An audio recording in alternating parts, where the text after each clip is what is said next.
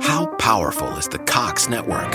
So powerful that one day the internet will let your doctor perform miracles from thousands of miles away, Connecting to remote operating room. giving a whole new meaning to the term house call. Operation complete. The Cox network, with gig speeds everywhere, it's internet built for tomorrow, today. Cox, bringing us closer.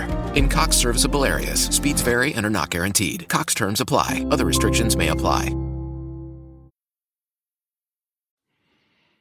Välkommen till en ny vandring på gamla och nya stigar. Men först lite musik så att vi kommer i rätt stämning. Morgonstämning.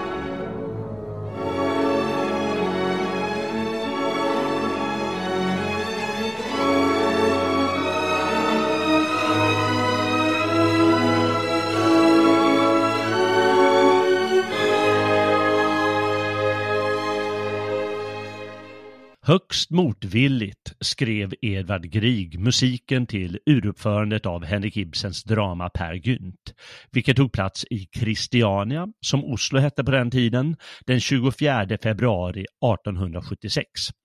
Han hade som konstnärer brukar ha ont om pengar och kladdade ner några stycken. Självklart blev resultatet fantastiskt. Nyss hörde vi lite av stycket Morgonstämning som inledde den svit som Grieg satte samman med de bästa numren från teaterstyckemusiken.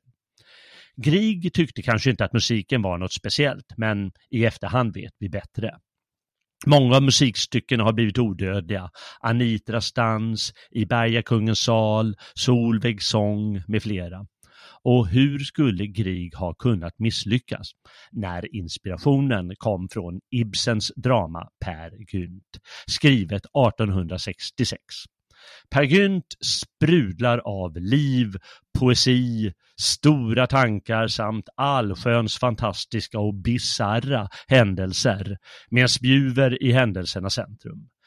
Välkommen till På gamla och nya stigar som idag förstås ska gå till botten, om det nu är möjligt, med dramat Per Gynt. Jag heter Jalle Horn och till min hjälp har jag som många gånger tidigare min läskompanjon Robin Holmgren. Välkommen Robin! Tjenare. Eh, Ja, just det. Då ska vi se här. Du, eh, det kanske framgick av introduktionen att jag är väldigt förtjust i Ibsens drama. Ja, det kan vara så att eh, när, vi pratar om att, att eh, jag skulle införskaffa den här boken och, och läsa den så fick jag intrycket av att den, den här boken kommer ju vara en milstolpe i min eh, litterära utveckling. Ja, just det, Mm. det kommer det vara.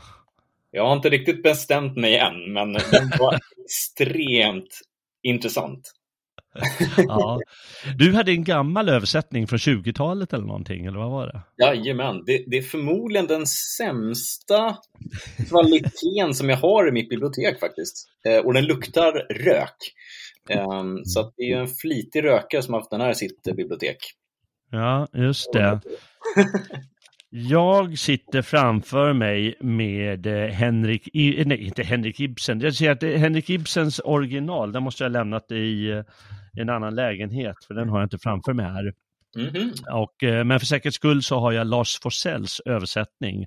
Jag vet inte, jag kommer inte ihåg när den är ifrån, om från 80-talet eller 60-talet eller vad det kan vara. Jag vet inte. Okej, ja, jag har Lundgrens, Olof Lundgren. Olof Lundgren heter den. Men var det bara boken som var dålig kvalitet eller är texten också dålig kvalitet?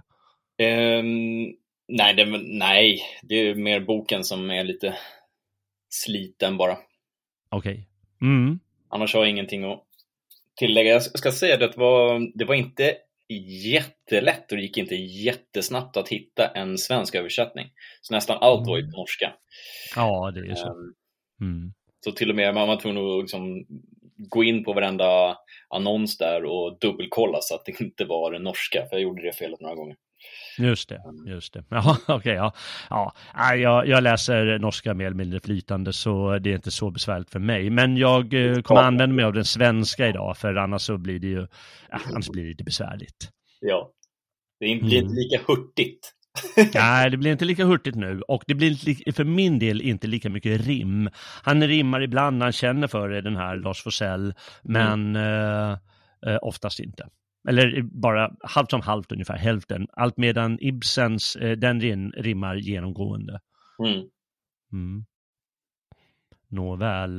Eh, det här är ju, jag är ju inte ensam om att tycka att det här är helt fantastiskt, eh, utan det räknas ju som den norska, den norska stora nationaldikten eller vad man ska kalla det för. Mm. Det är väl den som brukar, som antagligen spelas mest över världen när det gäller av, av Ibsen. Mm. Och då ska man ju ha klart för sig att Ibsens övriga verk spelas mycket, mycket flitigt också. Jo. Så vi har, inte, vi har ju faktiskt inte att göra med vem som helst. Eh, för alla som gillar eh, Strindberg, och jag hör ju till en av dem, så är det ju, var det ju redan då hård konkurrens mellan dem. Ibsen var i och för sig lite äldre och eh, liksom man slog igenom långt tidigare. 10-15 år före Strindberg. Mm. Men eh, ja, för någon sorts världslitteraturperspektiv perspektiv eller historie, litteraturhistoriskt perspektiv så, så står väl Ibsen lite över. Okej. Okay.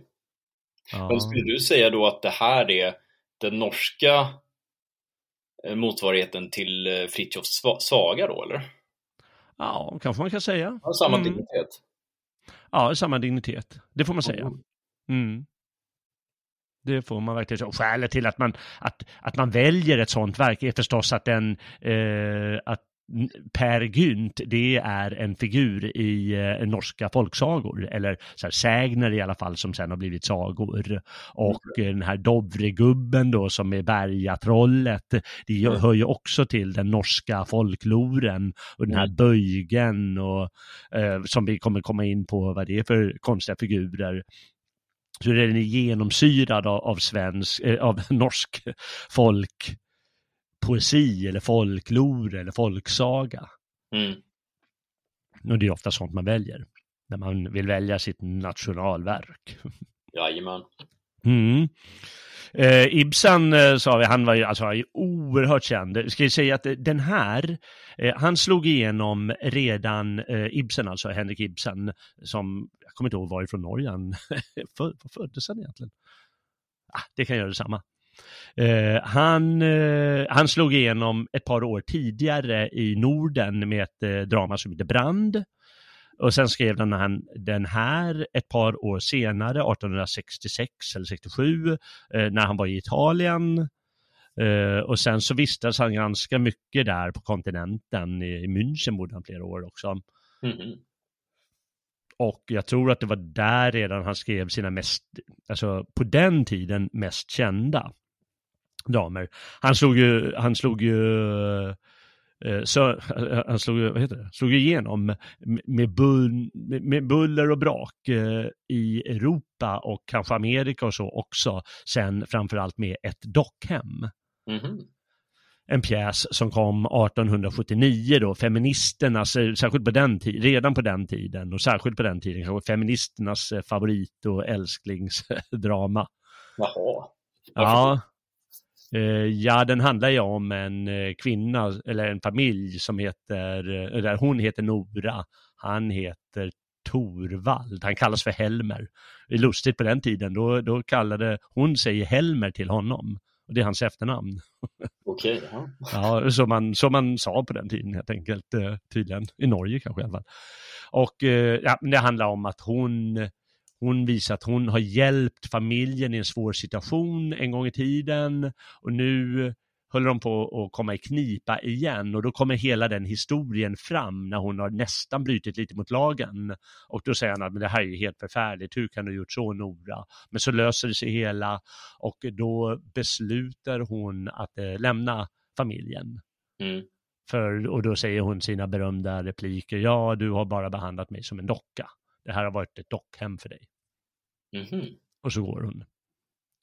Och det slog igenom otroligt starkt eh, där i slutet av 1800-talet. Det, det, var ju så laddat att eh, eh man, det förbjöds att eh, ha som samtalsämne vid finare middagar. För det, det blev sån harm och tanterna de skulle visa, visa sig på styva linan och, och killarna är tvungna att försvara sig och så blir det liksom bara kaos istället. Vad roligt.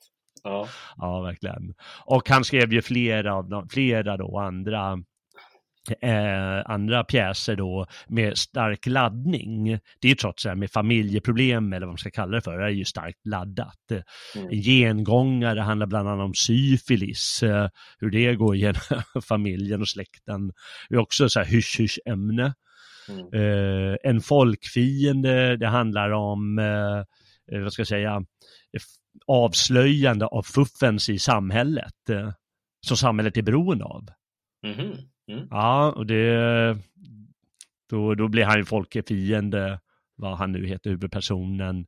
Vildanden, det handlar om livslögnen, det vill säga hur man, hur man ljuger sig full för att klara sig genom livet eh, och om det nu ska komma fram, vad händer då? Och ska man säga, Hedda Gabler, denna kvinn, eh, kvinnodrama, lite kampen mot sig själv och sin omgivning och så vidare. Det är liksom väldigt starka ämnen som man, som man ger då, låter sig utspela i borgerlig samtidsmiljö. Okej. Okay. Ja, och eh, de blev ju väldigt, väldigt, väldigt spelade och väldigt stora. Får jag bara fråga en, en snabbis då? Eh, mm. Är Per Gyn som, som där, där kommer liksom bondelivet fram väldigt mycket. Är det alltså någonting som särskiljer just det dramat från de andra, skulle du säga? Det jag måste förklara vad du menar. Nej, men för att i Per Gynt så är det väldigt mycket bönder. Framförallt mm. i början, men du kommer tillbaka dit flera gånger.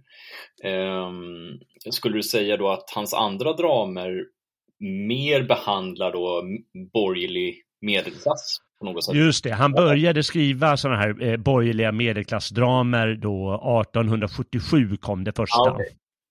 Och då slutade han med att skriva på vers och så, utan skrev han på vanlig prosa. Okay. Vanlig sån dialog.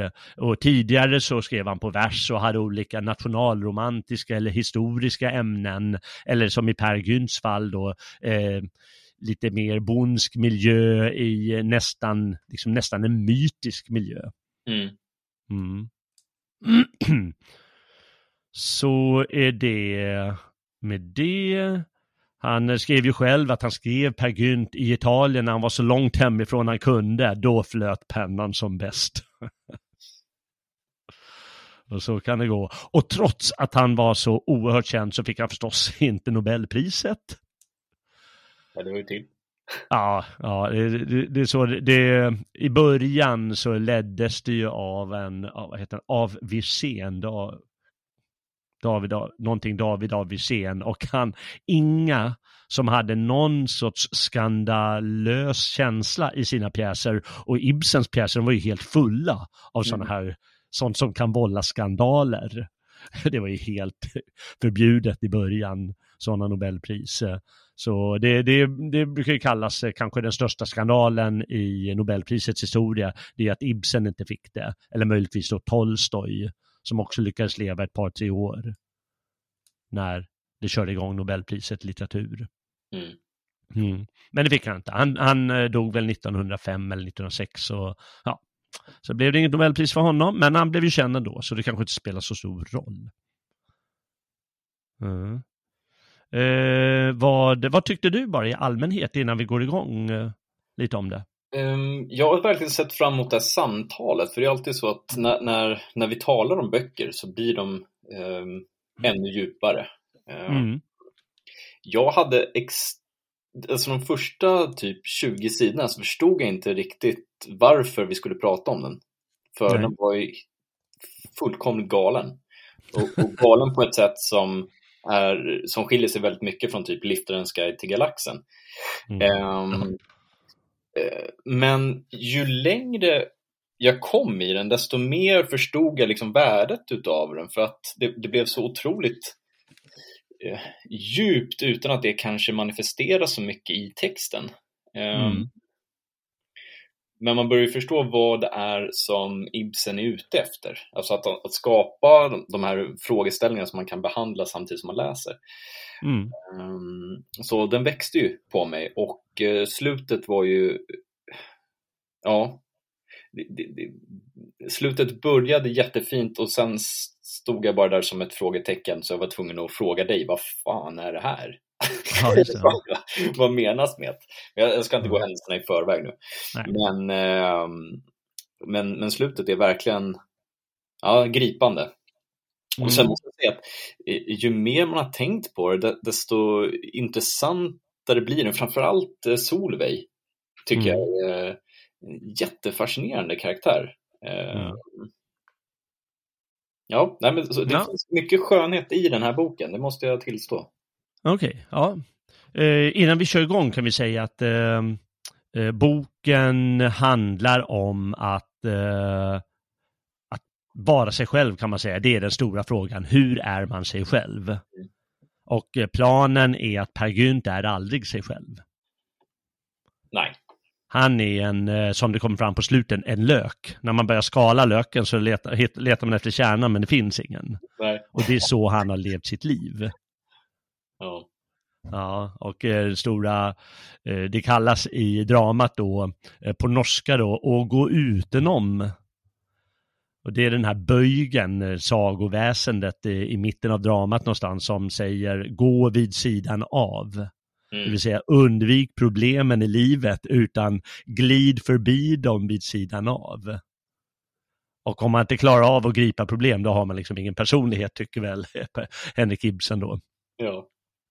Så det är lite den här söka, vad innebär att vara sig själv? Och så ges det en massa olika svar i uh, olika personer ger olika svar på det. Solveig, som du nämnde nyss, hon har sitt. Bergatrollet har sitt och, och så vidare. Eh, En Mm. aspekt som jag tycker är väldigt intressant med den, det, det är mm, man, man kommer alltid ihåg de här små bitarna i texter. Mm. Eh, som man kan gå tillbaka till ju längre man kommer i boken. Mm. Eh, och det, det slog mig att det är ju lite synd om honom. Det, det är ju lite tragiskt alltså. För att Mm. Per har ju hittat den här kvinnan i sitt liv. Och sen bara, Mm. nej men jag drar till sjöss. ja men det gäller ju, han får ju ett problem på halsen då, vi kommer ju komma in på det. Och då så väljer han att, ah men jag tar den enkla vägen och, och, och sticker lite bredvid här. Sticker till sjöss. Liksom så här, vad, är, vad är det han vill lämna efter sig? Vill han ens lämna någon, någonting efter sig? Eh, Ja, just det. det, Han vet det nog inte själv. Nej, nej bevisligen. Nej. Och eh, det kan vi redan säga då att eh, hans sätt att lösa problemen det är att drömma sig bort eller fantisera Mm. och så vidare. Det är lite av hans eh, pr- problemlösning. Han är, och det finns en sagofigur alltså som heter Per Gynt. Det, by, det bygger på en riktig figur som tror man då ska ha levat i så fall på 1600-talet. Eh, Och i sägnerna om Peter Gynt eller Pe, Per Gynt, jag vet inte vad, han har väl lite olika namn i, i sagorna kanske. Eh, där, eh, där är han också är han en renjägare som i början av det här dramat eh, som i sagorna då så tuktar han troll och han träffar så här huldror och han överdriver sina, eh, si- sina erfarenheter och jaktäventyr och så vidare. Mm. Och eh, ja, just det. Det är Per Gynt, så det bygger ju då kanske på en riktig figur. Och Per Gynt, han är väldigt fantasifull och eh, ljuger när det behövs. Och vi får väl helt enkelt eh, gå igenom lite. Om du vill kan du gärna flika in med någon, om det är någon, något ställe du vill läsa vid, eh, liksom, som vi kommer in på. Jag ska Ja. försöka att inte hålla den för länge, men det är väldigt många personer eller figurer med Och eh, det är ju inte som Faust som blir på 500 sidor sammanlagt, utan det här är ett par hundra sidor. Mm. Men det är ungefär samma grej som för de som lyssnar på Faust så kanske man märker oj, jättemycket händelser, jättemycket figurer och det är här också väldigt mycket händelser och så.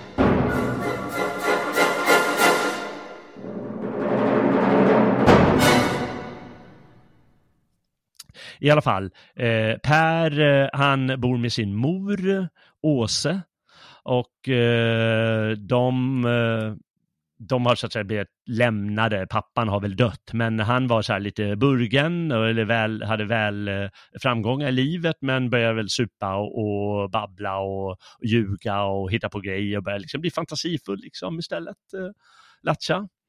Och eh, då blir liksom, liksom arvet så bortspelat och så vidare. Så de lever lite i fattigdom och så. Och eh, deras, eh, deras sätt att lösa är det att liksom sitta och fantisera med varandra. Och Per han kommer hem en gång och på norska då börjar eh, eh, dramat Per, du lyver Per. Så du ljuger. Mm. Och det är liksom genomgående, det är hans grej att ljuga. Och eh, då berättar han, eh, då har han kommit tillbaka från en renjakt helt utan ren, helt utan skinn, utan kött, utan, utan någonting egentligen. Och då berättar han en, stor, en fantastisk skröna istället, hur han, ja men jag hade, hade den på kornet eh, och jag lyckades fånga den, men då fick den liv igen och jag stångade kniven ur handen på mig och bara flög över tinnar och ner i dalar och ner i vattnet och alltihop i sex veckor eller något sånt. Mm. Ja, han hittar på sin, eh, sin skröna om det. Eh, och då blir hon eh, lite så här, hon fastnar. För han är ju en, histor han är en storyteller.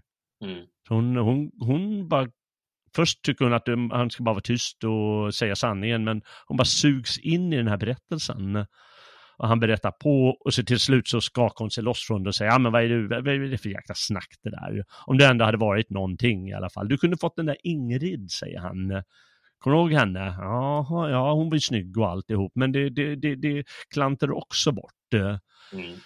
Och då tycker han, ja men jag ska nog fixa henne nu. Och så ska han iväg till hennes bröllop, för hon ska gifta sig dagen därpå. Och då blir det lite olika intriger eh, där, bland annat stackaren brudgummen, han, eh, han får henne inte. Han vill ju ha en kväll med henne, men hon har liksom låst in sig på sitt rum och vill inte veta av. Hon vill ju hellre ha den här Per. Ja. Men det blir inte av. Och till slut, och då får han också syn på en, en, den här Solveig. Och eh, de fångar varandras ögon lite, men eh, hon eh, säger ja, men kanske en annan gång då. när han gör lite närmanden. Och eh, då får han spelet, eh, Per, och så genomför han ett klassiskt brudrov. Han tar helt enkelt den här Ingrid över axeln och flyr till fjället med det. Ja, det är lite, och där, sa du? Det är lite pinsamt när man läser det. Ja, lite pinsamt. Han är ju typ full hela tiden. Och bara... Han blir ju full och sådär ja. också, ja exakt ja. ja. Det är lättare att genomföra ett brudrov när man är full. ja, det är då det verkar rimligt i alla fall. Ja, ja.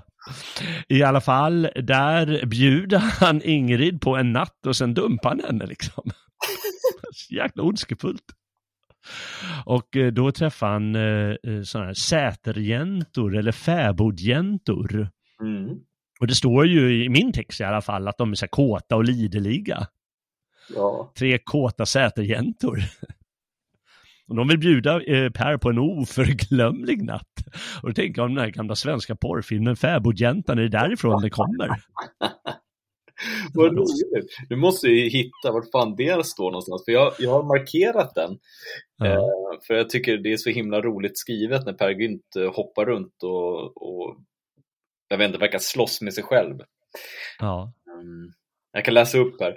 Hela socknen ur stugor och kåkar är efter mig väpnad med bössor och påkar.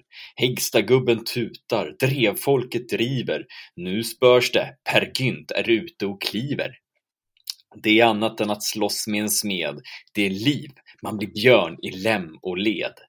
Bryta, välta om, stå forsen emot. Slå, rycka furan upp med rot. Det är liv som höjer och härdar sin man. Allvissen lögn, ryk för satan i bann. Mm. Um, jag hittar ingenstans om kåta sätejäntor alltså. Uh, nej, Ah, men det är rätt kort parti. Det är innan han träffar, eh, efter att han har haft den här natten så bara vaknar han upp eh, och de är borta typ eller något sånt. Ja. Och, eh, så det är ganska kort eh, parti det där. Då, då, träffar han den grönklädda kvinnan som hon kallas. Eh, det vill säga trollkungens dotter. Precis. Och då eh, berättar, säger han, ja jag är kung egentligen. Jaha, det var ju trevligt, sa han. Ja, men då kan ju vi gifta oss, för jag är ju prinsessa ungefär. Ja. Oh. Och då rider de tillsammans in i Dovregubbens hall.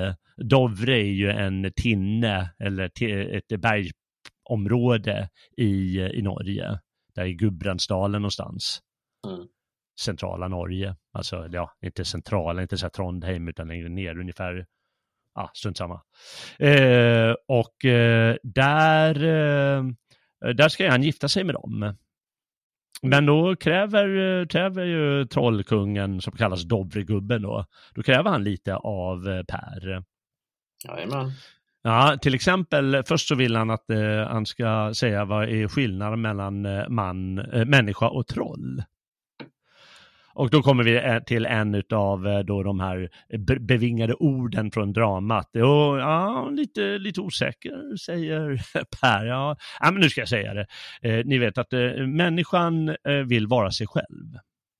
Men vi troll, vi är mycket smartare. Vi vill vara oss själv. Man ska vara sig själv nog. Mm. Och det betyder att man ska vara egoist. Man ska, man ska inte, man, man, man ser själv nog och skiter fullständigt hur det går för andra. Mm. Och eh, det är liksom trollens eh, liv.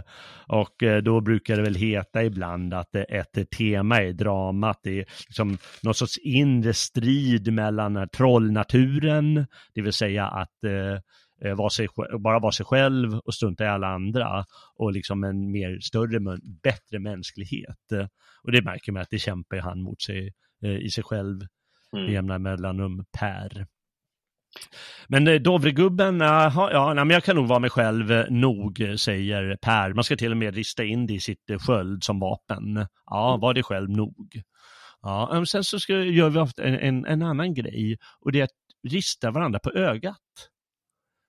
Så att, eh, så att eh, för Per han tänker, tycker väl att de är fula. Men om man ristar på ögat då blir ingenting fult längre.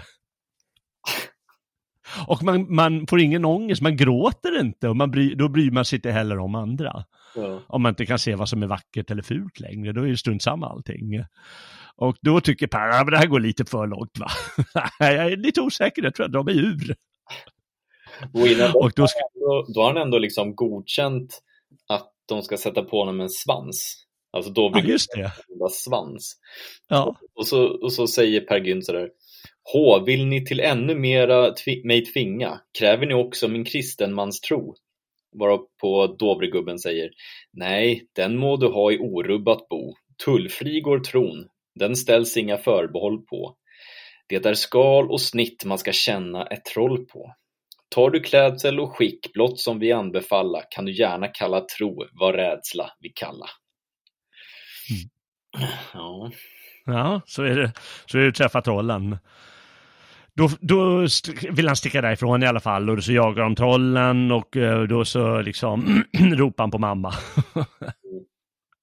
och eh, då hörs det kyrkoklockor och eh, då flyr de trollen av det. Och får mig föreställa sig att det här är som i en dröm de här äventyren han upplever med, med trollen. Och efter det vaknar han upp i någon så här mörkt eh, passage eller han vet inte var. Och där träffar han en stämma i mörkret eh, och det brukar kallas då böjgen. Och böjgen eh, det är alltså ett norskt eh, folklor, folklore, en folklorevarelse. Men tydligen så finns det i, i svenska och norska folksagor också. Mm den här böjgen. Och det, det på namnet hör man att det är liksom någonting som är böjligt. Och framställs ibland som en orm, alltså i sagorna, eller i liksom något sorts trollaktigt. Och här är det som en, liksom, jag vet inte, en gelémassa, eller vad föreställer du dig? Jag, jag, vet inte, jag tror jag faktiskt bara föreställer mig som en människa faktiskt. Ah, ja, okej, okay, ja. ja. Eh, han kommer inte förbi böjgen. Och Nej. böjgen säger, det är ingen idé att kämpa, man kan inte övervinna böjgen. Det går inte. Det är liksom böjgen. ja. Och eh, då säger han, det finns bara, gå udenom Per, gå udenom. Det, skrivs på D på där eftersom de, de hade halvdan, de liksom danskt skriftspråk då, så det står alltså på norska, gå udenom. Ja, då ska man, betyder det alltså gå vid sidan av. Det är så han ska eh, gå sitt liv. Per han försöker slåss liksom ändå men blir till slut utmattad och då tror jag han hör eh, Solveigs röst eller något sånt. Mm. Och då flyr böjgen ändå. Det var för starkt en kvinnas stämma.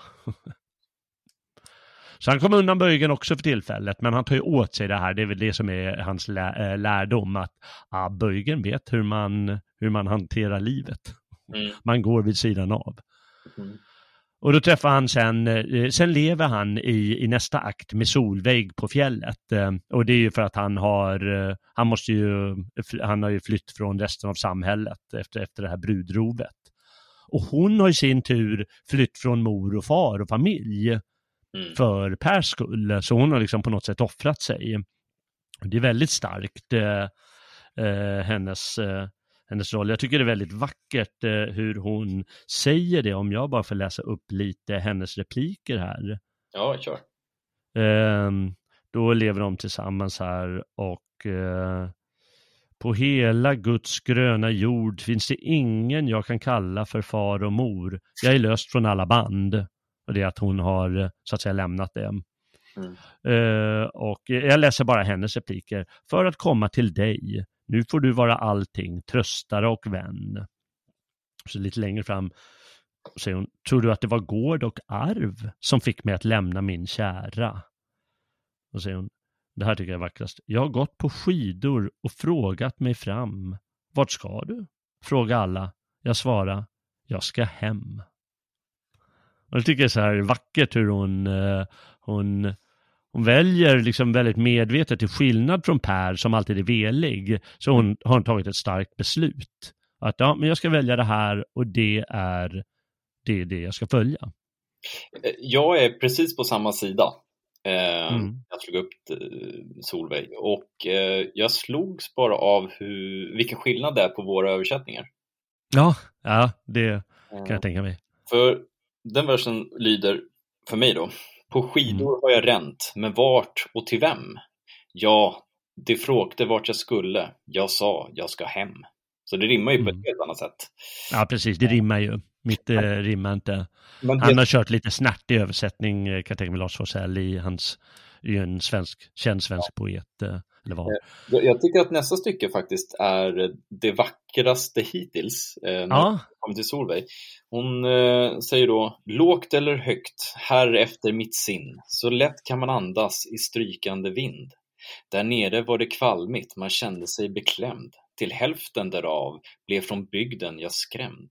Men här, där jag hör furans susande stämma, vilken stillhet och sång, här, här är jag hemma. Ja, det är ju Det är underbart. otroligt vacker. Och, och, och samtidigt så är det en så vacker interaktion. För eh, Per säger då, funnen Mm. är kungadottern, vunnen och bunden. Hej, nu ska kungsgården timras från grunden. Mm. Och efter det där ballar ur. Ja, och direkt efter, det är, alltså det, är, det är verkligen, det gör nästan ont när man läser, för direkt efter det, då träffar han en kvinna. Ja, det. Och den här kvinnan är, säger att hon är den här grönklädda eh, trollprinsessan ja. som har blivit äldre nu och säkert ful och har ett barn med sig. Hon säger du måste ta hand om barnet här. ja. Och Per han, nej men lägg av nu, jag tänker ta hand om ett jäkla barn. Vad menar du med det? Ja, men det måste du göra, annars så det och det och det och det. Mm, Och vad väljer Per att göra då? Jo, gå utenom. ja. Och då var jag fast i det gamla vanliga livet igen. Han kom aldrig riktigt hem där. Och eh, då så, ja, då, då säger han, jag kommer inte ihåg, han säger, han kommer någon undanflykt till, eh, vad heter hon, Solveig. Och eh, så, ja, så sticker han helt enkelt. ja. Och då efter att han har kommit till sin mor som, som dör, då ger han sig ut i världen. Mm. I, i fjärde akten. Och då, då blir det ju, då blir det sakta men säkert fullständigt tokigt det här dramat. eh. Och då har det gått några år. Han, har, han, är, han är affärsman. Han, har, han är ingen vacker affärsman, han håller på med slaveri och, och försäljning av gudabilder. Man får tänka att det är krimskrams eller något sånt, att han lurar folk och, Mm. och vad han nu håller på med. Han är relativt skrupellös ja, verkligen. Verkligen. Ja. Och, eh, han, han sitter på en jakt eh, tillsammans med några andra moderna personer som är liksom också lite så här nyrika eller någonting så här som han har bjudit in. Och så snackar han och han verkar så självsäker och vet hur man för sig och han, eh, han eh, det kommer upp det här att vara sig själv, men då låter det helt som trollet, att man, man ska vara sig själv nog. Och han säger, den som inte gör ont, han gör gott. Så så länge man inte gör riktigt ont, ja, men då gör man bra, menar han. Det är så typiskt när han sitter där och han blir så beundrad av de andra männen runt bordet. Han blir jättebeundrad för hans fina levnadsvisdom och han, han berättar hur han, ja, jag träffade en kvinna en gång och det var ett romantiskt litet äventyr. Va? Man- De. Hon- de bara wow, coolt. ja, Men det, det som verkligen. talande just i, i den där sekvensen är just att han de, de säger ju flera gånger då, alltså, åh, vi som trodde att du var typ en lymmel. Mm, Um, och då frågar de, vart ska du nu? Så bara, nej, jag ska till eh, eh, Grekland, tror jag han sk- skriver. Ja, han ska till Grekland och då blir de ju förbannade på det, för han ska åka till Grekland. Och eh, då, och då tänker de direkt att ah, du ska hjälpa till med, med, med Greklands fullständiga befrielse från eh, turkarna. Mm. Eh, och då säger han, nej, tvärtom. han är opportunist ju. Ja, Han ska ju, ja men det är ju mer pengar och det är ju, det spelar väl inte så stor roll eh, vem utav grek eller turk, hej och eh, då blir de förbannade och så sparkar de av honom från båten ja, och sätter honom i land och sticker med den här jakten. Och då, då är det helt knasigt. Då, då, då brinner den upp den här jakten och exploderar den eller något sånt. Hade han tur. Ja. han tur Per. Men då är han strandad där utanför Marocko, eller i, i Marocko. Mm. Och eh, då, då finner han kläder från en beduinhövding och det gör han sig till eh, någon sorts profet bland de här beduinerna. Jaha, ja. Ja.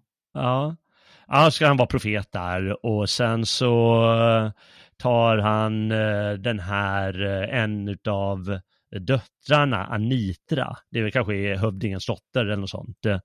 Då tar han henne och, och sticker iväg med henne, ett nytt sorts brudrov nästan.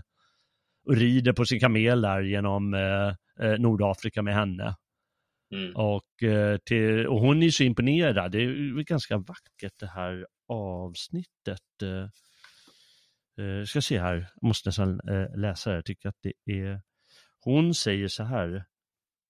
Det är, det, är, det är väldigt mycket från det här dramat som han hämtar inspiration från eh, eh andra eh, massa litterära verk. Faust var ju uppenbart här, det är Hamlet och det, det är olika poeter ur historien och det här är ett parti då ur Höga Visan.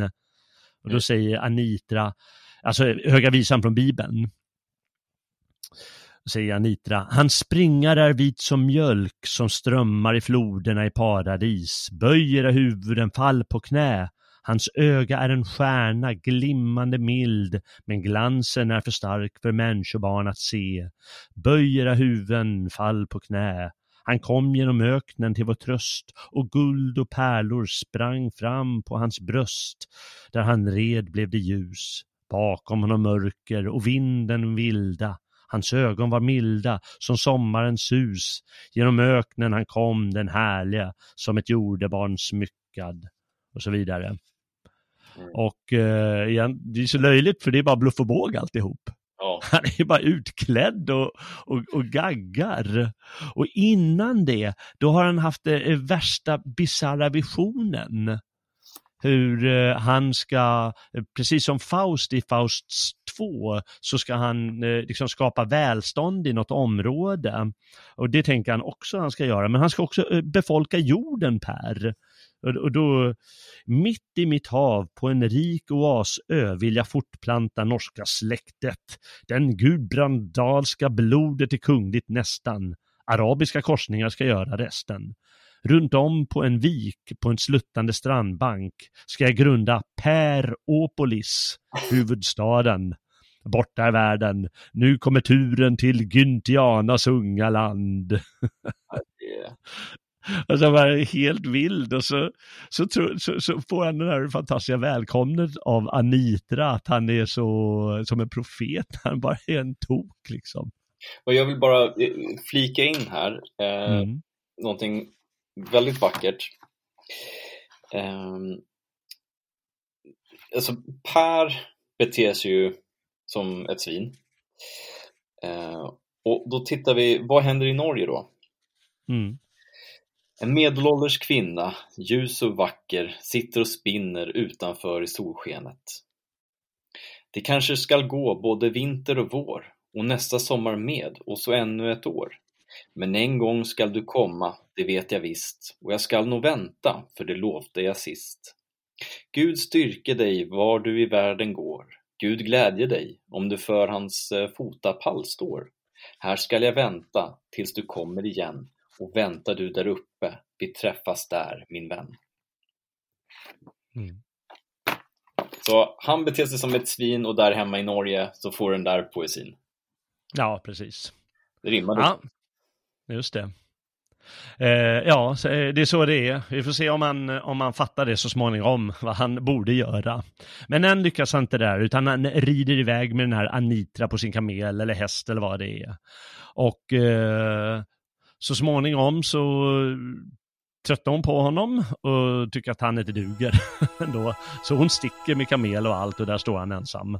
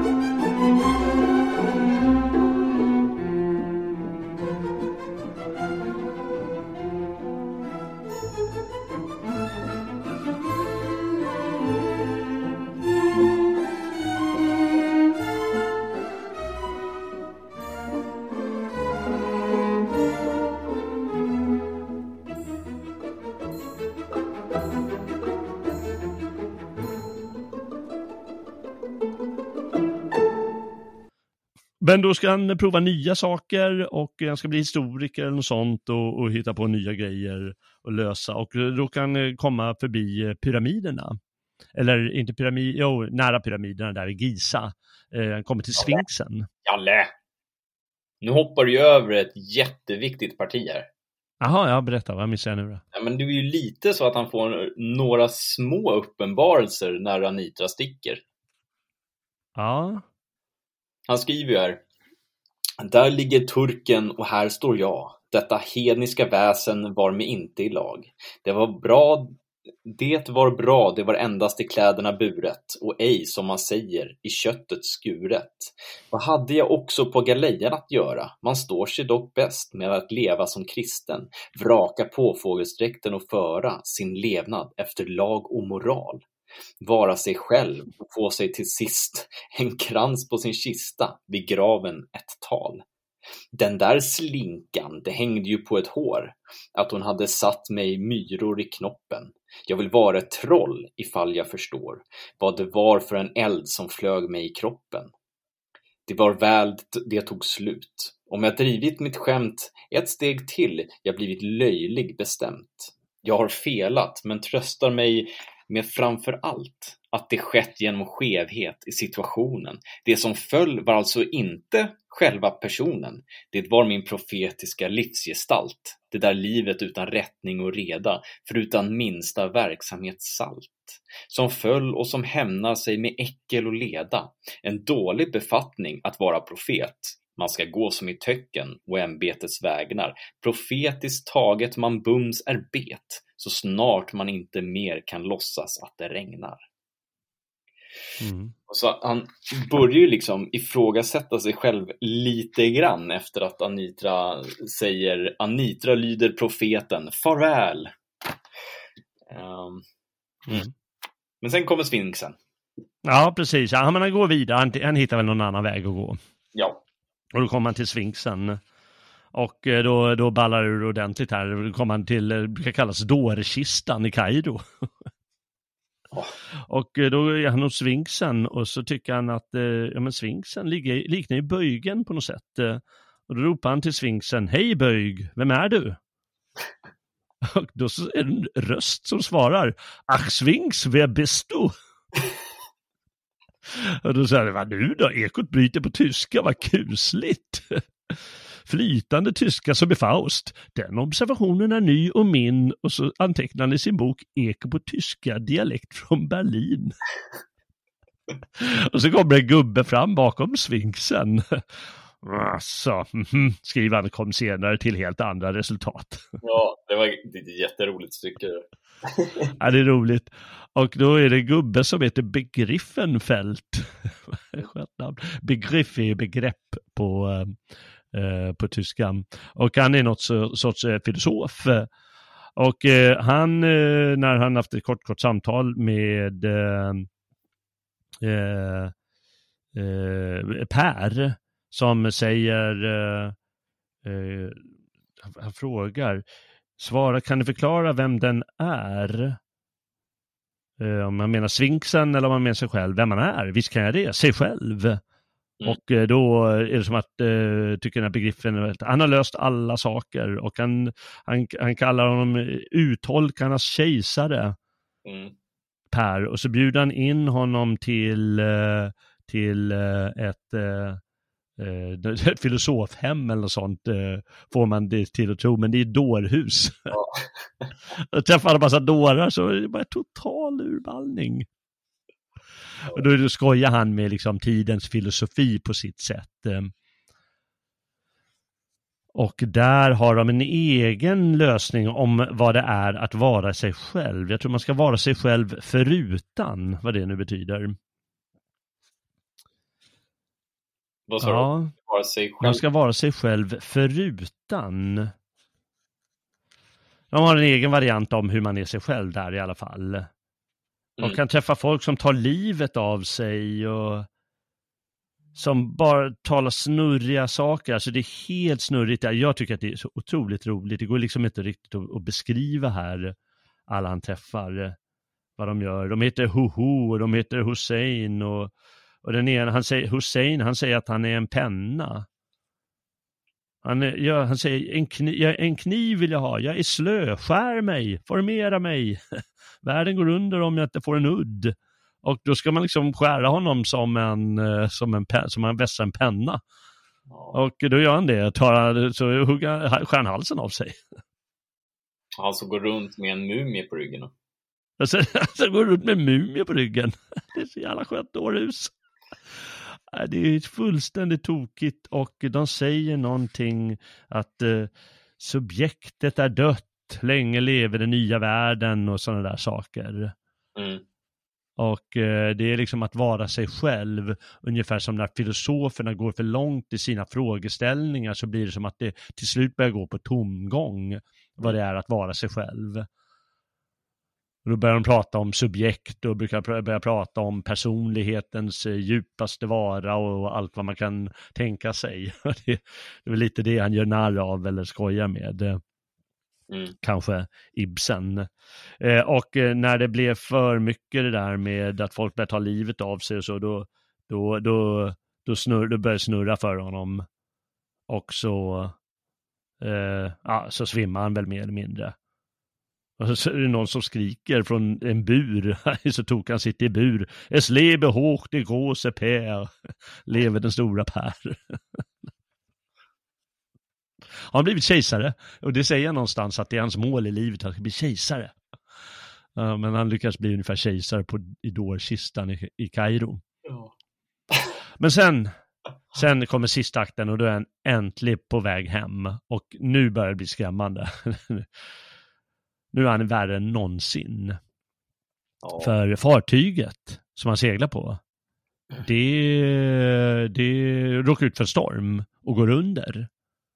Och eh, men han sitter i liv, en, li, en liten livboj. Då kommer en kock och eh, Per, nej, nej, du får inte komma ombord för du får bara plats en här. Då går vi under båda två. Han liksom slår honom med åran ungefär. Mm. Alltså, helt... Och kocken bara, men, men jag har ju flera barn, jag har ju en familj. Jag har ju ingen. Låt mig överleva så jag kan ta hand om mina barn. Han bara, nej. Och smäller till honom i åran. Nej, det är, alltså, jag hade... Ja, det, är så... det, det, är hemskt att läsa. Alltså. Ja, det är hemskt. Och det, det, det störde är att före det så har han ju liksom moraliserat över eh, no, no, någon berättelse om just det här med när, när någonting går under, att ja, de måste ju dela på livbåtar eller något sånt där. Jag kommer inte ihåg vad han säger exakt. Ja, han ska ge, men... han ska ge eh, dricks till, eh, till och med kocken, ah. för att det var ju, om man kommer i land tidigt liksom. Just det, okej. Okay. Ja, då, då lyckas han i alla fall överleva och ta sig i land eh, och då är han ju i sina hemtrakter.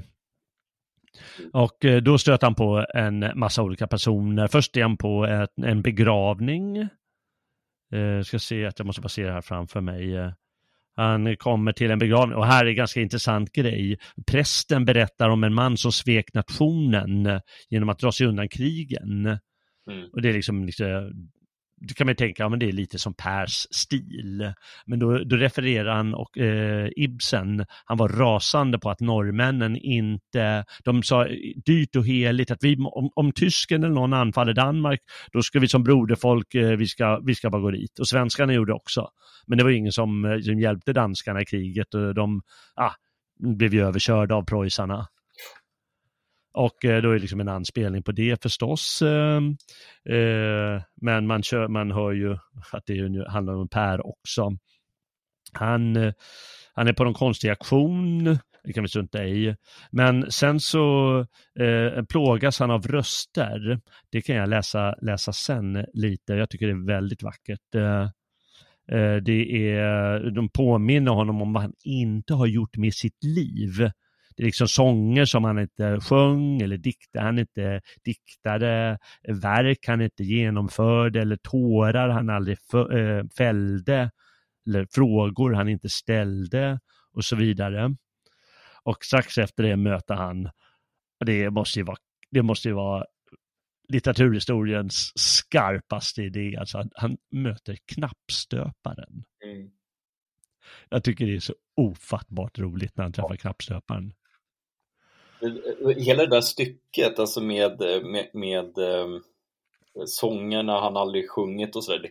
Det, det, är nog det vackraste i hela boken. Ja, det är det. Det är verkligen vackert. Eh, jag kanske ska läsa det redan nu. Ja, jättegärna. Det, det är så gripande alltså. Ja, men du som har rimmat, kan inte du läsa det eh, på rim? Jag har inte skrivit upp vilken sida det var på. Nej, då kan jag inte hjälpa dig. Eh, det är uppe på Mon i alla fall. Mm, mm, mm, Tredje, fjärde. Ljungmannen, nej, då ska vi se. Ja, jag kan läsa annars. Ja, men du har ju helt rätt i att det blir bäst om... Mm, men det rimmar väl lite här ser jag. Nystan här, nu ska vi se. Ja, men jag läser lite här. Okej. Okay. Så det, då, då går han där och säger aska, dimma, virvlande stoft. Här finns nog att bygga av och så vidare. Ruttet stinker det och multnat alltihop i en kalkad grav. Dikt och dröm och dödfödd kunskap. Det är pyramidens grundval. Och så håller han på där. Och försöker förstora sig själv och sen, vad är det för barn som gråter? Hälften gråt och hälften sång. Nystan rullar för min fot. Undan, här ska jag fram. Och då säger nystanet. Vi är tankar du skulle tänkt oss. Fötter att gå med skulle du skänkt oss. Och Per Gynt, han väjer, står det. Livet har gett till en, han fick bara krumma ben. Säger nystan, vi skulle flyga med dånande röster. Här får vi rulla som gråa nystan.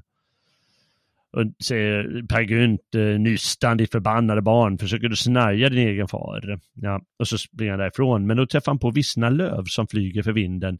Vi är en ed du skulle svurit. Se hur vi dansar bort i bukter.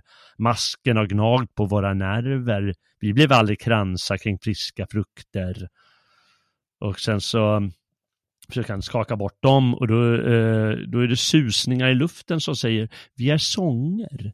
Du skulle ha sjungit oss. Tusen gånger har du försummat oss. Vi låg i ditt hjärta som i en grift. Aldrig sjöng du oss. Må du frätas av gift. Ta gift själv din dumma jävel, säger han. Och så är det daggdropparna som säger Vi är tårar du aldrig fällde. Istapp som sårar kunde vi smälta. Nu sitter iskniven djupt i ditt bröst. Såret går inåt. Vi har ingen tröst. Mm. Och träffar brutna gräs. Vi är storverk, du skulle levt oss. Tvivel har strypt oss, vankelmod kvävt oss. Vi ska komma på yttersta dagen och vittna mot dig. Då får du se. Och eh, ja, det är förstås hans vankelmod och hans oförmåga att liksom genomföra de saker han borde mm. i livet. Får vi tolka det som. Men sen träffar han alltså snart knappstöparen. Och är det för, för, för mig är det liksom bland, bland det absolut roligaste med, med, med, sin svarta humor som någonsin har skrivits. Ja, det är, det, det är ju det är nytänkande. ja, det är det. Eh, knappstöparen, vi, vi, vi, kan säga så här, knappstöparen menar att eh, han ska hämta hem Per mm. till efterlivet. Och han ska inte till himmel, han ska inte till helvetet, han ska inte till själsleder, utan han ska, han ska stöpas om. Knappstöparen ska smälta ner honom som, som annat gammalt dåligt material och göra nytt av honom. Mm. Eftersom han inte åstadkommit något i livet. Eh, och eh, det, jag tror nästan vi måste läsa det stycket. Gör det. Ska vi, ehm, det är ett par till sidor, jag vet inte om man kan läsa i, eh, vi kanske kan försöka läsa tillsammans. Vart är vi? Ja, vi... Jag börjar här. Mm. Eh, Hej du gubbe, säger knappstöparen. Ja, god kväll min vän. Eh, du har så brått, var ska du hän? På gravöl. Aha, säger knappstöparen. Jag ser lite dåligt. Du heter inte möjligen Per? Jo, jag heter Per Gynt. Och då hade jag tur, för det är just dig jag ska hämta ikväll. Ska du det? Och varför? Här ska du få se. Jag är knappstöpare. Du ska ner i min slev. Eh, uh, var, varför det nu? Jo, du ska smältas om. smältas. Här är den, polerad och tom. Din grav är grävd och din kista beställd. I liket får maskarna leva om. Men jag har order direkt från mäster, och det är väl Gud då, att eh, hämta själen i rödaste rappet. Sånt går inte för sig, man måste varsko, säger Per och knappstöparen. Vid barndom och gravöl är det nog brukligt att man väljer dagen för festen i stillhet utan att varsko hedersgästen. Ja, det är förstås eh, är lite yr i skallen. Du är ju, ja det sa jag, knappstöpare. Aha, kärt barn har många namn. Ja, så du Per, det är där du ska hamna. Eh, nej, kära vän, det här går för långt. Jag vet att jag är värd en bättre behandling. Jag är inte så dålig jag som ni tror. Åh, jag har gjort mycket mycket gott här i världen. I värsta fall är jag bara en vingelpetter, men någon syndare, det är jag då inte. Ja, det är just det som är knuten, min vän. Ingen syndare just i högre mening. Och därför slipper du helvetets kval och hamnar i stöpsleven med de andra. Kalla det vad du vill, slev eller helvete, det är skitsamma. Vik hädan din satan. Och knappstöparen säger, nu misstänker du väl ändå inte att jag springer omkring med en hov på foten? bockhov eller rödrävsklo. Stick och akta dig för vad du gör. Min vän, nu tar du alldeles fel. Vi har brott båda två och för att spara tid ska jag förklara hur saken ligger till. Eh, du är, ja, du säger du själv, verkligen ingen storartad syndare. Knappast medelstor. Ja, låt det höra sig, säger Per. Vänta nu lite, att kalla dig dygdig, det vore att gå bort i tok för långt. Jag gör inga anspråk på det heller. Knappstöparen säger mittemellan alltså. Lite si, lite så. En syndare av det där verkligt magnifika slaget är inte vardagsmat nu för tiden. Det ska mera till än bada i gyttjan. Det krävs allvar och kraft för att verkligen synda. Ja, verkligen sant. En fin reflektion, säger Per. Man måste braka på som en jävla bärsärk. Medan du däremot tog lätt på synden. Ja, den satt utanpå som en smutsfläck på slaget. Eh, vi är överens, min vän. Svavelsjön är inte för er som stampar i smutsen. Nej, och då kanske jag får gå då. Inte alls. Just därför ska du smältas om. Eh, vad är det för metoder ni hittat på här hemma medan jag var utomlands? Ja, de är gamla som ormen i paradiset, säger knappstöparen. De är till för att hindra att världen förfars. Du känner hantverket och vet att ibland kan stöpandet misslyckas helt och hållet så att knappen blir utan ögla där bak. Vad gjorde du då? Kasta bort skräpet. Precis. Jon Gynt, det är Pers far, var känd för att slösa så länge han hade något i säcken. Men mäster, förstår du, mycket sparsam och därför är han rätt välbärgad. Ing, inte slänger han bort som värdelöst skräp det som kan bli råmaterial. Du var nu ämnad till en skinande knapp i världsfesten, men blev utan ögla. Och därför ska du tillbaka i sleven och smältas ihop med annat misslyckat gods. Du menar väl inte gjuta mig med kret och pleti till någonting annat? Det är just precis vad jag tänker göra. Det har vi minsann gjort många gånger förut. Myntverket gör likadant med mynt som nötts av att cirkulera för länge.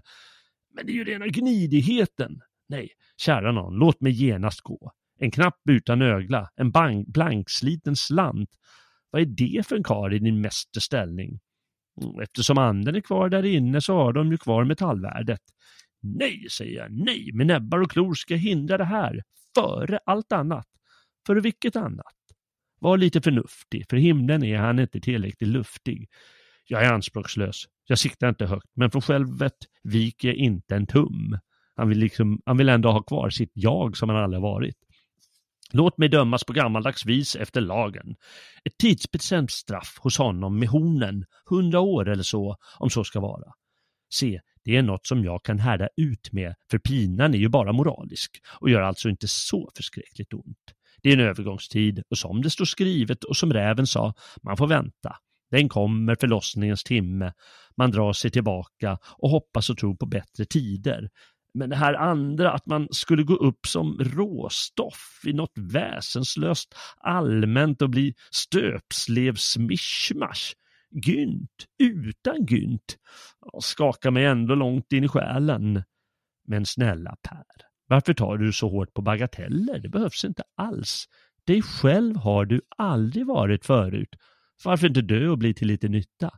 Har inte jag varit? Nu måste jag skratta. Per Gynt har varit något annat än Per Gynt. Nu talar du med förlov i nattmössan. Om du ransakade hjärtan och njurar på mig så skulle du bara hitta Per och Per och Per. Ingenting annat, det kan jag försäkra. Omöjligt. Jag har mina instruktioner. Här står Per Gynt ska du ta. Han har trotsat bestämmelsen med sitt liv. I stöpsleven med en som felaktigt gods. Babbel, det är någon annan det står om. Står det verkligen Per? Inte Rasmus eller Jon? De har jag smält ner för länge sedan. Kom nu med frivilligt, vi spiller tid. Nej, jag kommer inte på frågan. Om det kom fram imorgon att, att det här är ett misstag, det vore snyggt. Ta det tillvara min gode man, tänk på ditt ansvar. Jag har ju skriftligt på det. Ge mig då lite frist. Vad ska du med den till? Jag vill bevisa att jag varit mig själv hela livet igenom. Det är om det som vi två har käftat. Hur då bevisa? Vittnen och attester. Jag tror inte mäster bryr sig om attester. Det måste han. Förresten, den dagen den sorgen. Hör på, jag ställer mig själv som borgen. Jag är snart tillbaka. Man lever bara en gång och sig själv som man skapades håller man på. Är vi överens? Ja, det får väl gå, men minns att vi möts vid nästa vägskäl. Och, eh, jag, vet, jag, jag älskar den här sortens svarta humor. Ja, ja det är där, eh, Ja, Per, han gör allt han kan för att komma undan där. Han är böjlig som böjgen liksom. Jag måste säga att det blir en, an, en annan upplevelse när man läser på rim. Ja, det blir det. Jag läser min. Eh, den, ja. blir, den blir lite mer allvarsam. Ja. Eh, det blir ett okay. annat flyt i det hela, men när du läser upp det så, så det blir ännu mer humoristiskt tror jag. Mm mycket mer vardagligt, lättare att ta till sig. Jag kan tänka mig att människor som, som normalt sett inte läser den här typen av litteratur mm. eh, skulle må bra av att läsa din version. Ja, just det. Jag som mm, det är bra för alla att veta. Ortig romantiker älskar ju eh, poesi, så att... Eh, ja, alltså. jo då. Jo då. Men det är, eh, jag, du ska smältas om, för du, du är typ bara en medelmåtta av allt liksom. Ja, Ah, ja. Fantastiskt. Och vem träffade han efter det här? Jo, jag träffade djävulen. Mm. Och djävulen han förklarar för honom, ja men den där Per han har, han, han har inte varit någon riktig syndare. Han bara, nej, jag vill ju ha tester på att jag har varit syndig. Och då får han inte det. Sen träffar han, eh, eh, sen träffar han Dovregubben igen. Mm. Jag ska bara kolla här.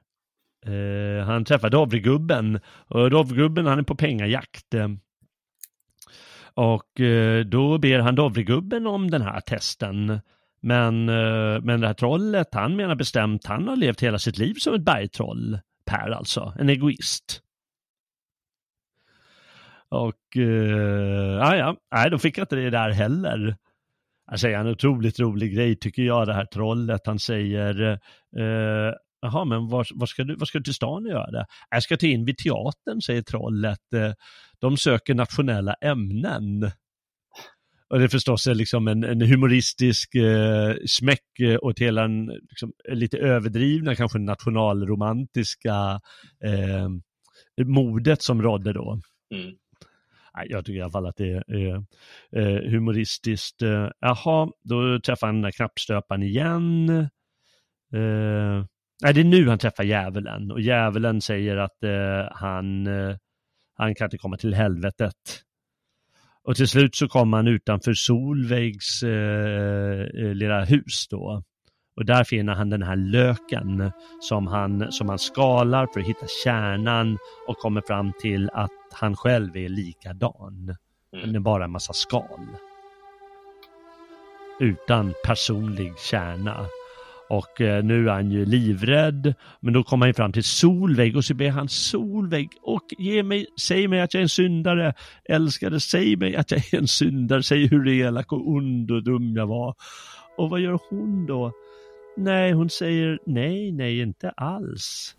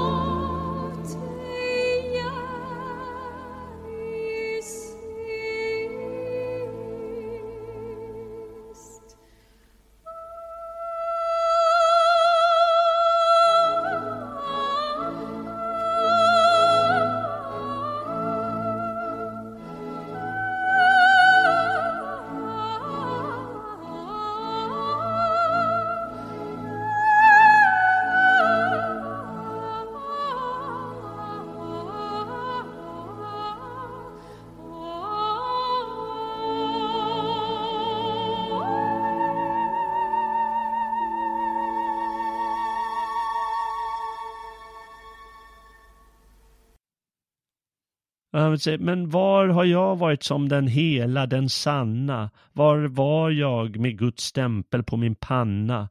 Och då säger hon, i min tro, i mitt hopp, i min kärlek. Mm. Och det är då han sjunker ihop eh, på golvet och med huvudet i hennes knän. Och eh, då slutade, upptäckte jag här, nu har jag inte det norska originalet framför mig, men jag tror att det är samma här. Sov nu pojken min och dröm. Mm. Det tycker jag är rätt fräckt. Och samtidigt så står knappstöparen och tittar in genom fönstret typ. Och säger ja, ja, ja, undrar om jag ska ta det eller inte. Vi får nog så det, någon bra dag blir det nog. Och så slutar det. Ja.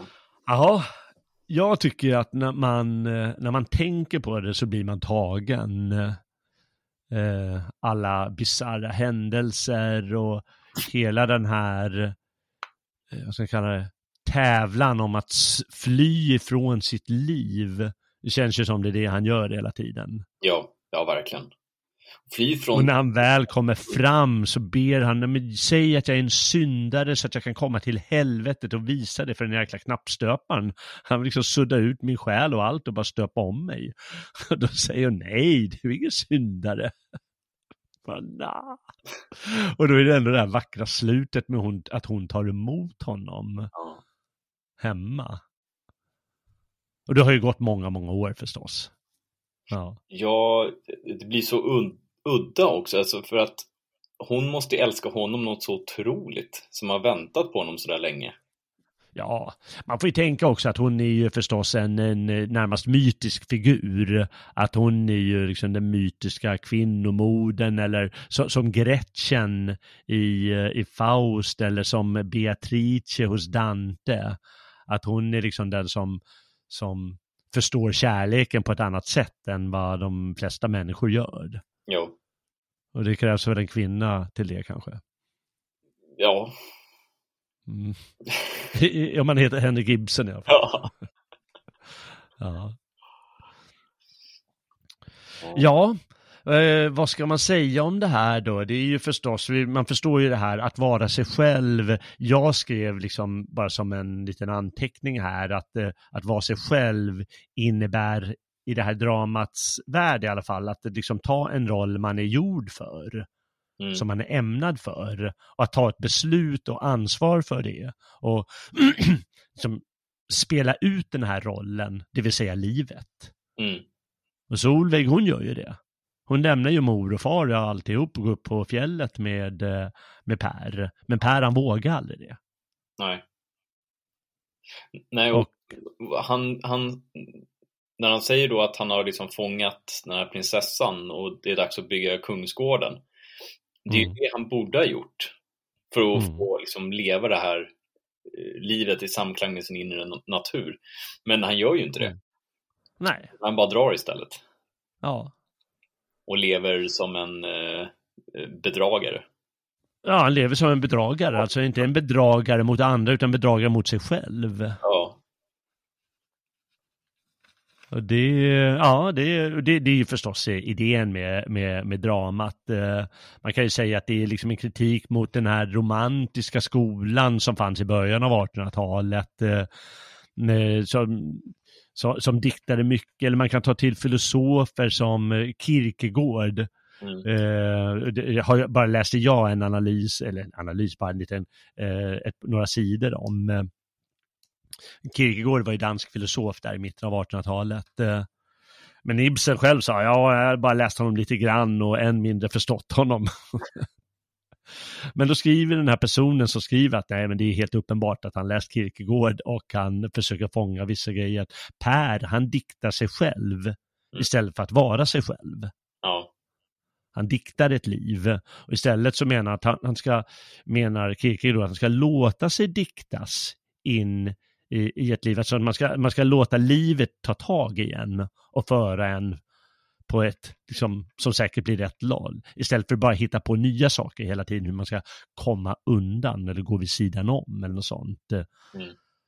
Och eh, till slut så låter han då sig diktas enligt Solväggs eh, idé eller ideal. Nämligen att han, ja, men du har varit dig själv i, i min kärlek och i min tro och mitt hopp. Mm. Och där kan du i alla fall hitta någonstans att bo på riktigt. Det är så himla vackert skrivet det där alltså. Ja, det är ju vackert. Det, det måste vi säga. Ja. Och eh, jag tycker ju att eh, det här med att gå utenom, som det heter på norska då, det tycker jag är så jag tycker det är så jäkla bra, för det är liksom, för mig, jag föreställer mig den här vanmakten som man kan hitta i livet, som man liksom, alla har ju säkert erfarit den. Mm. Att istället för att ta ut, jaha men nu måste jag ta tur med det här problemet. Ja men så glider man undan, ja men undrar om man inte kan fixa det nästa söndag. Alltså fan, jäkla jobbigt det där Och man struntar i att göra det och mm. det är ju den här böjgen, liksom, man slår, det är som att, det, det, det, löser ju aldrig problemet, att strunta i det. Nej. Att försöka undvika det, det är ju slåss mot böjgen som är böjlig, en böjlig orm i, i mörkret. Och det är ju väldigt starkt som vi alla upplevt och som vi helst vill att vi skulle varit den handlingskraftiga. Mm. Men ja, ibland lyckas vi göra det och ibland så lyckas vi inte. Han lever det Instagram-livet. Ja, kan du fatta Instagram-livet, ja precis. Istället för att bara vara sig själv. Mm. Men den vet vi ju alla, den frågan är ju jättesvår. Ja. Hur är man sig själv? Och hur kan det vara svårt ens? Och hur kan det egentligen vara svårt att vara sig själv? Ja, det är ju väl bara att göra de saker som man, ja, som man är bra på. Uh, jaha, men det har vi ju en trevlig tjej, ja men då får jag väl leva med, med henne då och få mina barn och så får det väl vara bra så. Mm, gör rätt och rätt. Ja, men, men, samtidigt vet vi hur svårt det kan vara som de där grejerna. Ja, men det, det är väl så. Men det, men det är väl också den här acceptansen av att livet alltid liksom kommer ge dig problem. Men, men, men problemen är ju till för att lösas. Det handlar ju inte om liksom att bara för att det kommer en, en mur, då ska du bara gå in i den och banka på den tills den ramlar ihop. Va? Mm. Eh, ibland så fungerar det ju faktiskt att faktiskt gå runt muren eller gå över den, eller klättra över den. Mm. Eh, problemet är ju inte ska man säga, eh, att eh, man kan eh, att man undviker problemen, utan snarare så att man skjuter upp problemen, man undviker att hantera dem. Just det. Det, det enklaste bara kan vara, vara att eh, inte se problemet exempelvis, om någon mm. är sur på dig och, och du låter det eh, ta kontroll över din egen tid och eh, din liksom livskraft. Varför då? när du lika gärna mm. skita i det. Mm. Eh, så stoicismen hade ju räddat Per Gynt från start. det hade det gjort, definitivt. Jo, men det kan man ju säga att det hela, i alla fall i, vad heter han, eh, Marcus Aurelius tappning. Mm. Det går just ut på att eh, inse det är det här du är född till. Det spelar egentligen ingen roll om du är kejsare eller slav. Du är det du är och det är ditt livsrum och eh, ta det med ro. Mm. På något sätt. Och bara, bara fortsätt att hantera det. Ja. Och Per, han gör allt utom det.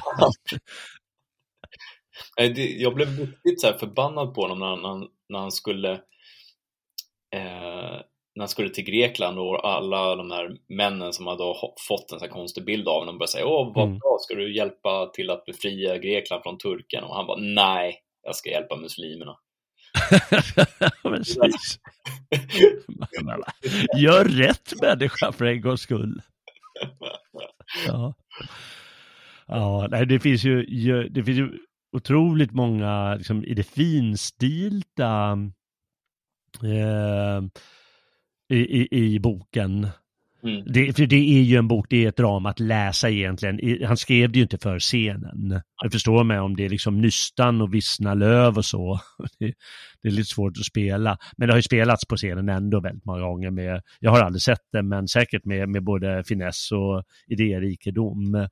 Eh, men i boken till exempel på slutet, eh, då är hon, hon, är, hon, hon har halvt tappat synen Solveig. Hon mm. famlar lite efter honom.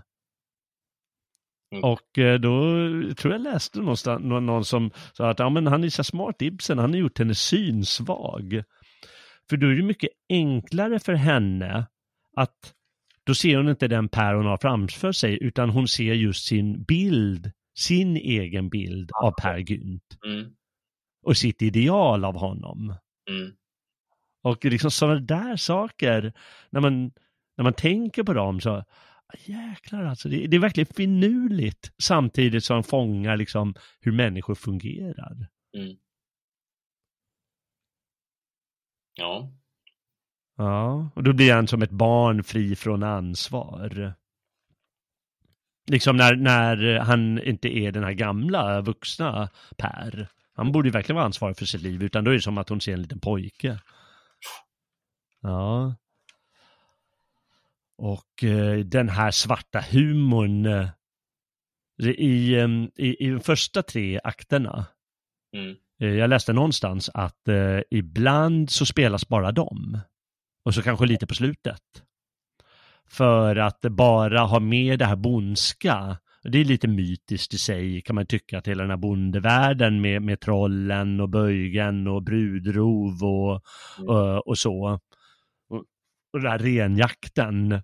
Att eh, fjärde och femte kommer i skymundan. Och den är ju väldigt, han är ju väldigt vital och nästan lite rå Per. Mm. Han är ju också mytisk på sitt sätt. Eh, vare sig man tycker om honom eller inte. Jag tycker han, många gånger är han ju väldigt finurlig.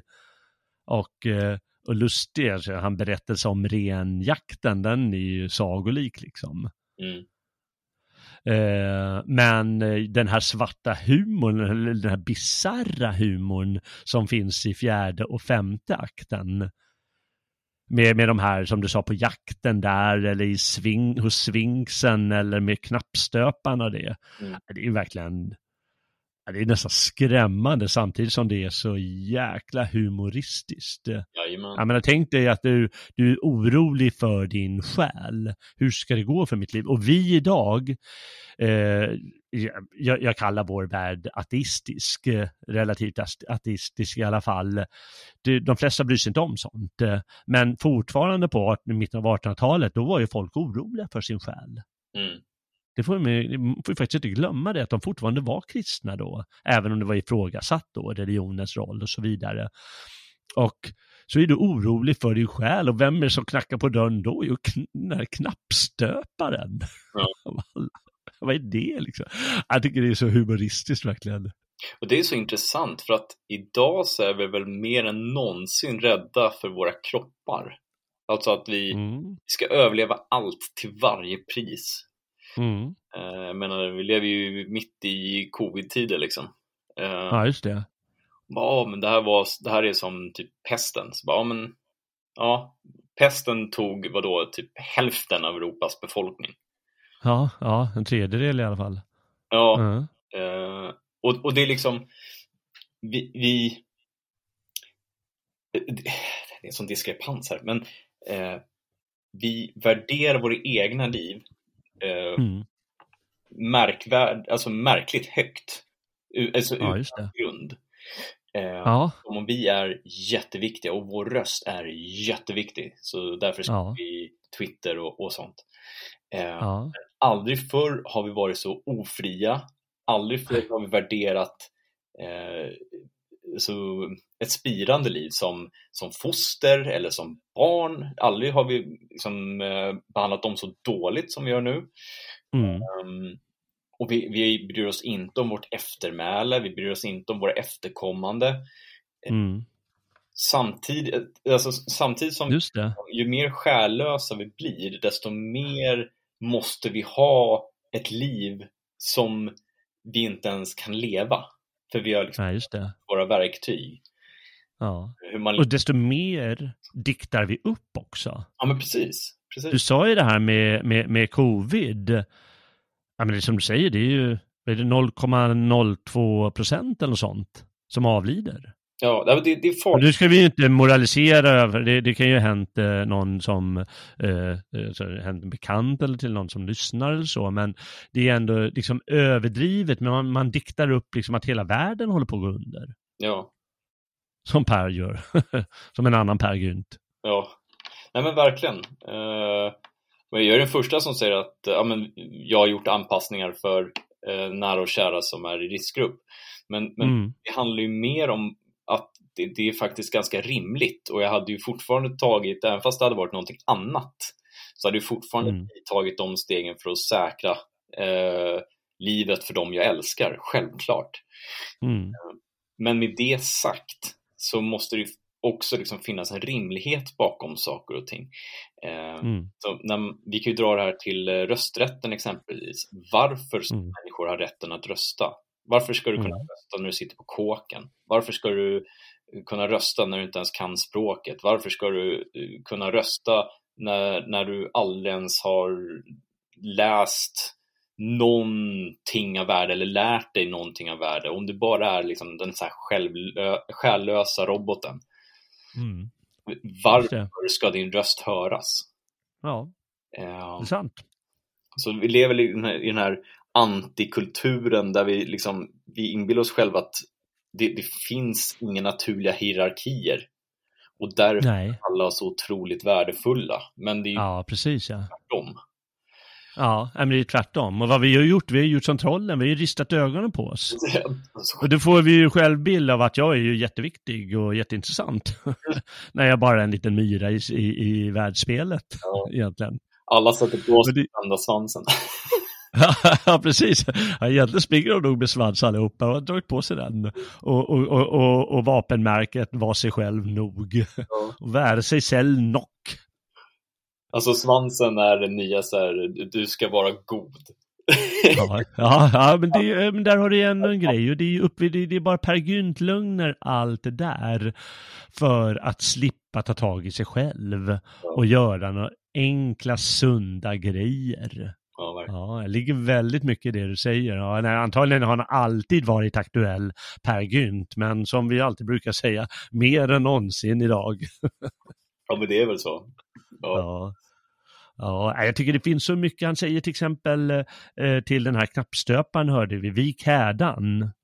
Mm. Och det är ju alltså som eh, eh Jesus i, i öknen eh, och så vidare. Det finns ju förstås jättemånga sådana bibelallusioner och allt, allting i den. Men då tycker jag det är så mycket, vik hädan säger han till den, men, men, men alltså, grundidén och det som han inte förstår, det är ju att livet och döden viker inte hädan. Nej. Det går inte att gå utenom här. Det funkar inte, då kommer du inte leva ett liv, då kommer du att vara en lök som bara består av skal. Mm. Och eh, han, han klarar sig genom att han är så jäkla böjlig, Per. Han är ju som böjgen då. Mm. Det är klart. Men, men någon gräns finns det. Och det upptäcker han ju på slutet och liksom allting kommer tillbaka på honom i femte akten. Han, han träffar ju på alla möjliga eh, besvärliga typer och det är liksom att som hela hans liv, ungefär som när man ska dö, som det sägs, fladdrar förbi en. Mm. Och stöter han på alla de här och hittar ändå hem till Solveig utan att han fattar det riktigt. Ja. ja. Ja, jag, jag blir alltid andfådd eh, när jag tänker på det, för jag tycker att det, jag tycker att det är så, så otroligt, så, så jäkla bra faktiskt. Eh, samtidigt som det många gånger har den här humorn, liksom en humoristisk touch. Eh, och det gör ju att det blir eh, ibland lite jobbigt. Liksom, jag skrattar åt det som är förfärligt egentligen. men, eh, men samtidigt gör det ju lite, jag ska inte kalla det lättsamt, men, men eh, du får en annan blick på det sakfrågan gäller. Mm. Den sätter det i sitt, sitt, sitt, särskilda sammanhang eller sin särskilda eh, syn. Ja, det tycker jag är väldigt häftigt. Eh. Ja, men den är ju bra alltså. Så är det ju. Ja, man kan inte komma ifrån att det är bra. Och det är ju lättillgängligt. Va? Det är inte som Faust 2, liksom 300 sidor och jäklar, men vad, vad är det som händer egentligen? Mm. Utan det är lite lättare här. Ja, framförallt din version.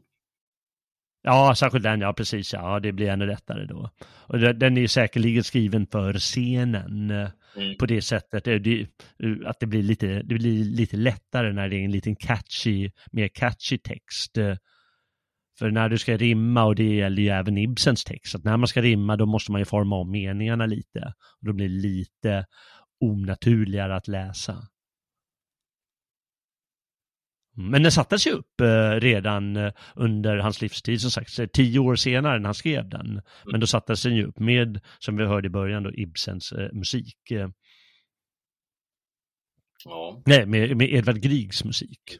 Mm. Och du hade någon favorit där, sa du? Ja, men Bergakonungens sal är ju så himla mäktig alltså.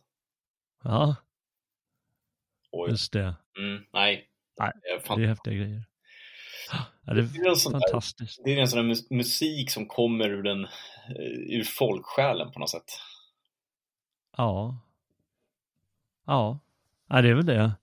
Eh, han var ju inte, som sagt, han tyckte att, ja, ja han, han, högst motvilligt gjorde han ju den här musiken, eh, som sagt. Han behövde ju pengar, Edvard Grieg. Men resultatet blev ju, det blev ju några riktigt bra stycken, det måste man säga, i den där sviten. Jajamän. Mm. Ja, är vi klara med, med Per? Ja, vi är väl klara med Per nu och ska ta itu med, med nästa monster. Och det är ju inte vilket monster som helst som kommer, om allt går som det ska, eh, nästa program. Och vad är det då? Frankenstein. Ja, då tar vi tur med den där Frankenstein, eller som amerikanerna skulle säga Frankenstein. ja, nu när man har lyssnat Ja. på Defamation så kanske...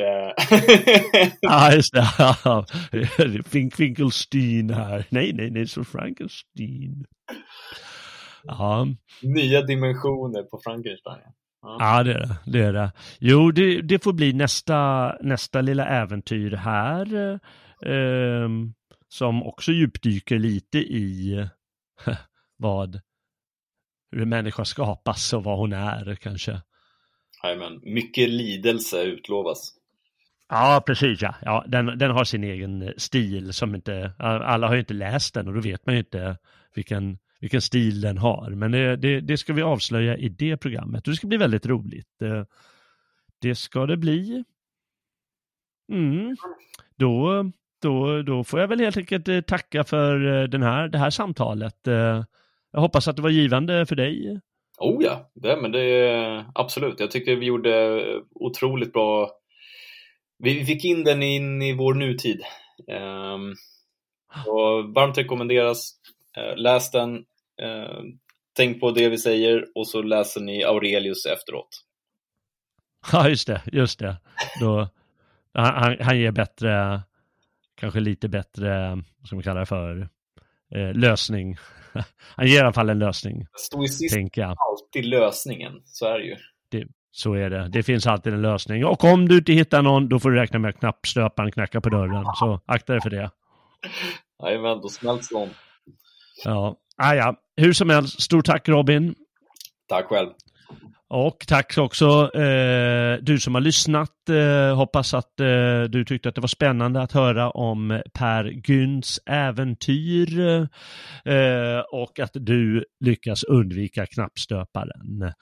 Om du gillar vad du har hört eh, eller våra andra program här på Svegot, då får du gärna stödja vår verksamhet genom en stödprenumeration på Radio Svegot. Och då bidrar du till att göra vår fortsatta produktion ännu bättre, hoppas vi. Allt om det kan man läsa på Svegots hemsida. Gå in på svegot.se och klicka teckna stödprenumeration. Eh, nästa avsnitt här på Gamla och stigar kommer som sagt om allt funkar som det ska handla om Frankenstein. Eh, jag och Robin hoppas att, få, eh, hoppas att du vill vara med på det äventyret och till dess säger jag, Jalle Horn, kort och gott, väl mött frände. Powerful is the Cox network? So powerful that one day the internet will let your doctor perform miracles from thousands of miles away, Connecting to remote operating room. giving a whole new meaning to the term house call. Operation complete. The Cox network, with gig speeds everywhere, it's internet built for tomorrow, today. Cox, bringing us closer. In Cox serviceable areas, speeds vary and are not guaranteed. Cox terms apply, other restrictions may apply.